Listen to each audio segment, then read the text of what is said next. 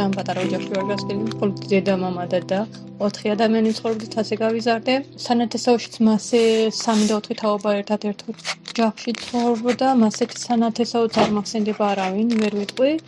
თუმცა მე ვფიქრობ საკმაოდ სირთულე იქნება მაგ როცა არის 3 და 4 თაობის განსხვავებული ადამიანები, იმიტომ რომ თაობათა შორის არის მაინც აზრთა სხვაობა, მაინც სხვადასხვა შეხედულებებია და ძალიან რთული იქნება და მე როგორც ვიცი და შორიდან რაც მინახია და იმედი არ ვწდები, შემთხვევა შემთხვევაში ეს პატარა თაობა უთმობს დიდ თაობას და მე მინახია ტრადიციები, რის გამოც ხშირად შეხვედრილი ვარ, ნამდვილად შეხვედრილი ვარ, რასაც ახლა ვამბობ.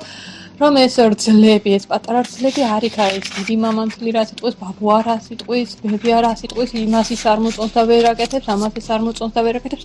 მას შეიძლება დიდი სული აქვს რომ ის გააკეთოს ერთი კონკრეტული საქმე. პატარა კონკრეტული საქმე ძალიან ისე რომ არა, მაგრამ იმის გამო რომ ის რა სიტყვის, ის ვერ აკეთებს და მე მინახე ასეთი შემთხვევა მყავს თანამშრომელი, რომელსაც ყავს 90 წლის ბები აყავს მე მგონი და სანამ სადმე წავაჯერ იმ ბებიას უნდა კითხოს აზრი, მე დედამთილმა მამამთის უნდა კითხოს, მე კიდე დედამთილ მამამთილი ყავს მე მგონი და რაიც აქ მე ვაპროტესტებ იმას, რომ თუ ამდენ თავს კითხე რომ მე დღეს იქ უნდა წავიდე და უშოთ მეგობართ ამის ვამინდა და ამდენ ადამიანს თუ კითხე რომ უნდა წავიდე თუ არა და ეგენი სანამ აზრს გამოიტანებენ მე რა უნდა გავაკეთო, ესე იგი ვერც ვერაფერს გავაკეთებ.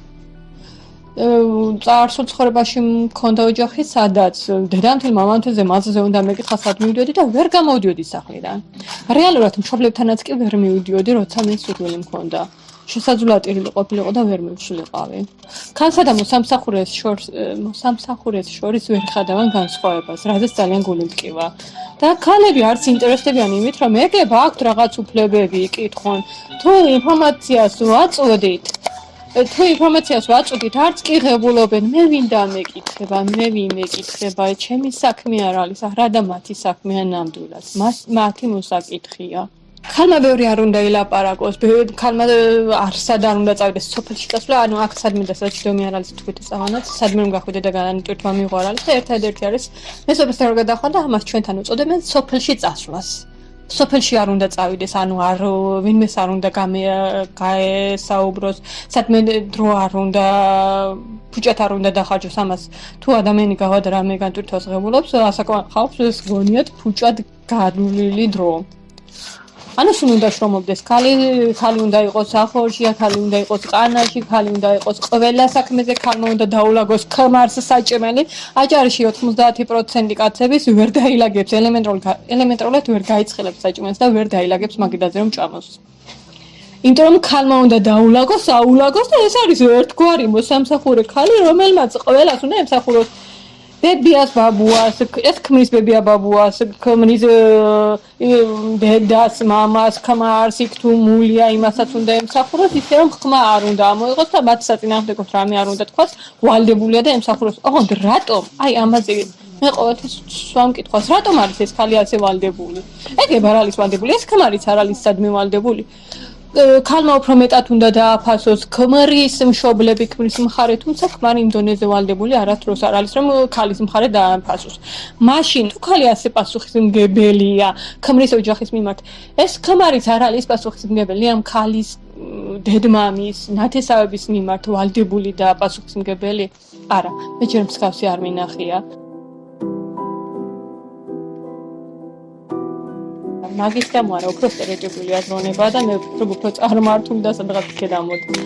იმიტომ რომ ხშირად დაუშვათ შუშანიკის წამებაში შუშანიკი ამბობს ახლა უცლაც არ წავიდეს დეს ყოფილა არც აქამდე თუმცა დედათა და მამათა ერთად ჭამოს პური და ეს ჩვენთანაც არის ეს ტრადიცია შემორჩენილი ამას ამბობს მე-4 საუკუნეში. შუშანიკი თუმცა მაშინ ისლამის საერთოდ არ არსებობდა და ჩვენთან არ იყო. და ძალიან ბევრი რამ რაც აქ ჩვენ სოფელში არის შემორჩენილი შუშანიკში ფიქსირდება.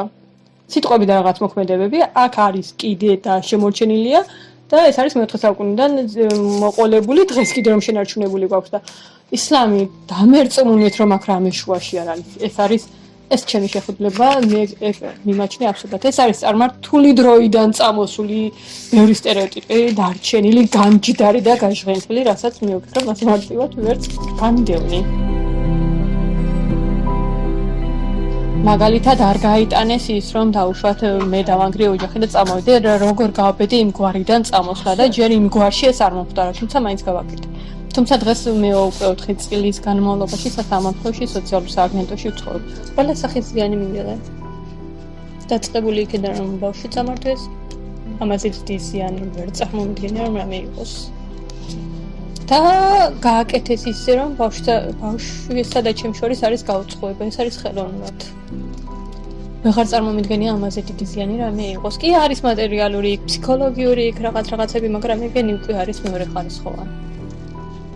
და ის რომ ხარ არის იქ რომ წნეხის ქვეშ ხარ იქ რომ ყველანაირად გავიწოვებენ ყველანაირად ზღუდავენ და ის რომ როგორ გაბედა ქალმა და ოჯახიდან წავიდა ეს კიდე ტრაგედიაა ძალადობა და არა მხოლოდ ძალადობა, სანამ წამოვიდოდი ყოფილმა ქმარმა და აი ჯვარი დაიწერა სხვაზე მით უმეტეს მე როცა საროებლობით ვარ მუსლიმანი და ისიც თითქოს იყო მუსლიმანი. ის რომ რელიგიას ფეხი კრა, ის რომ ოჯახს ფეხი კრა, ის რომ შვილს არც კი კითხულობდა. აუდიოფილი წამოვიდი რა უნდა მე გამეკეთებინა, უბრალოდ დღეს კიდე არ მესმის. რატომ უნდა გავჩერებულიყავი? და მე შევხედე ჩემს ცხოვრებას. კიდე მე როგორ გავაბედე და კიდე შვილი რატომ მყავს? ოჯახი რატომ მაქვს და მე კიდე ნორმალური ცხოვრებით რატომ ცხოვრობ? ეს იყო კატასტროფა. ჩვენ გვაში მსგავსი არ ყოფილაო და 4 წელიწადია, ცოტა აკლი 4 წელიწადს ცხოვრობ. პოლიცია, სოციალური სააგენტო. ჩემი საცხოვრებელი ადგილი გახდა ეს, თუმცა სამართალი მაინც ვერ ვიპოვე.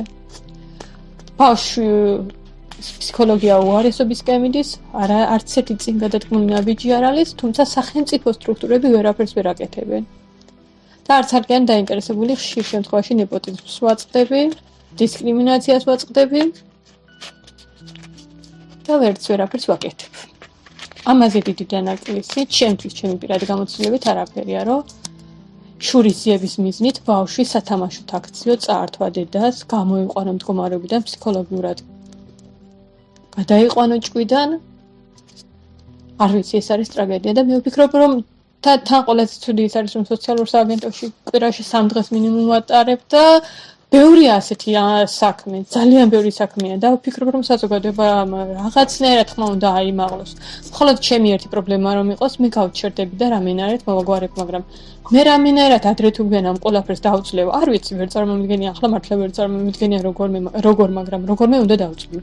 ყველაფერს ვაკეთებ რომ ეს დავძლიო და ჩემი შვილი ჩემთან იყოს და ნორმალურ ბავშვად, ნორმალურ ადამიანად აღუზარდო. გასაგდასად აღსდარ შორის მე განსხვავებას ხვეთავ და მინდა რომ ჩემი შვილი აღზრდელი წესიერი და პატიოსანი იყოს. თუმცა საზოგადოებაში ხშირია, ახლა ძალიან გახშირებულია შედარებას ვაკეთებ, ალბათ სტატისტიკაც იქნება მაგის, რომ იშლება ოჯახი. და ბავშვები რჩებიან ძალიან ძალიან უაზრო გარემოში. ისე რომ ხშირ შემთხვევაში ან საერთოდ არ კითხულობენ მშობლები სამწუხაროდ ამ ასეთ რეალობასაც ვაწყდები, ვამბობ, მე კვირაში 3 დღე ვარ სოციალურ სააგენტოში. სამწუხაროდ ვხედავ, როცა ველოდები, რომ ჩემი შვილს მოიყვანებენ ან რაღაცა ხშირ შემთხვევაში რაღაცას ველოდები. ან საერთოდ არ ეკითხულობენ ბავშვებს, ან საერთოდ ეკაჩებიან დედა, მამა და ეს ბავშვი უნდა გადაგლიჯონ. უბრალოდ თვით შეგნების პრობლემა არის. სანამ ეს თვით შეგნება არ ამაღლდება, სანამ იმას არ გაითავისებენ მშობლები, რომ ბავშვი არ არის სათამაშო, ბავშვი არ არის ვინმეს იკუთვნილება, ისიც არის ჩვეულებრივი ადამიანი, იმასაც ჭირდება ყველაფერი. იმას ისევე უნდა დედა და мама, მხოლოდ დედა ან мама არ უნდა, ორივე თანაბრად უნდა, ორივე რომ თანაბრად უნდა იზრუნოს, ორივე რომ თანაბრად პასუხისმგებლელია. ანუ შე შემთხვევაში ახლა ოჯახები გაშლით ხედავ პასუხისმგებლობას ვერცერთი მშობელი ვერ გძნობს შვილის მიმართ. ეს არის კატასტროფა ჩვენთვის. აი, მე რომ წამოვიდი და ოჯახი დავშალე, მე ვფიქრობ, რომ ჩემი შვილის мама ვერანაირ პასუხისმგებლობას შვილის მიმართ ვერ გძნობდა და ვერ ხედავ და უბრალოდ ახლა არის გამწარებული, რომ ალიმენტის გადახდა არ უნდა, მის გვარში ჯერ მსგავსი არ მოხდა, რომ ქალი წავიდეს ოჯახიდან და ეს როგორ მოხდა და სანათეს რომ გალანძღეს, აგინეს და აქედან გამომდინარე დაიწყო მე ბავშვის მოკითხვა, რომ საერთოდ არ კითხულობდა. საერთოდ სად იყო მისი შვილი არც კითხულობდა და არც მოუკითხია და კაი ხანს ისე ისე ვიყავი წამოსული რომ არც მივხვდა რომ სახში არ ვიყავი.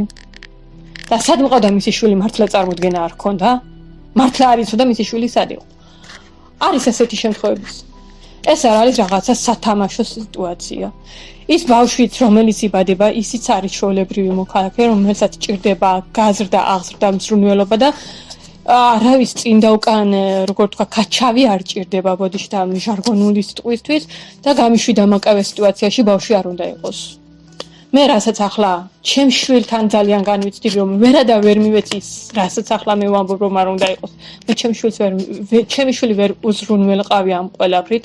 არ აქვს ის გარემო რაც უნდა კონდეს ანუ მშვიდი გარემო მოუწოდებ დანარჩენ მშობლებს ვინც არიან და ვინც სამომავლოდ მშობელი უნდა გახდეს არ გააკეთონ ისე.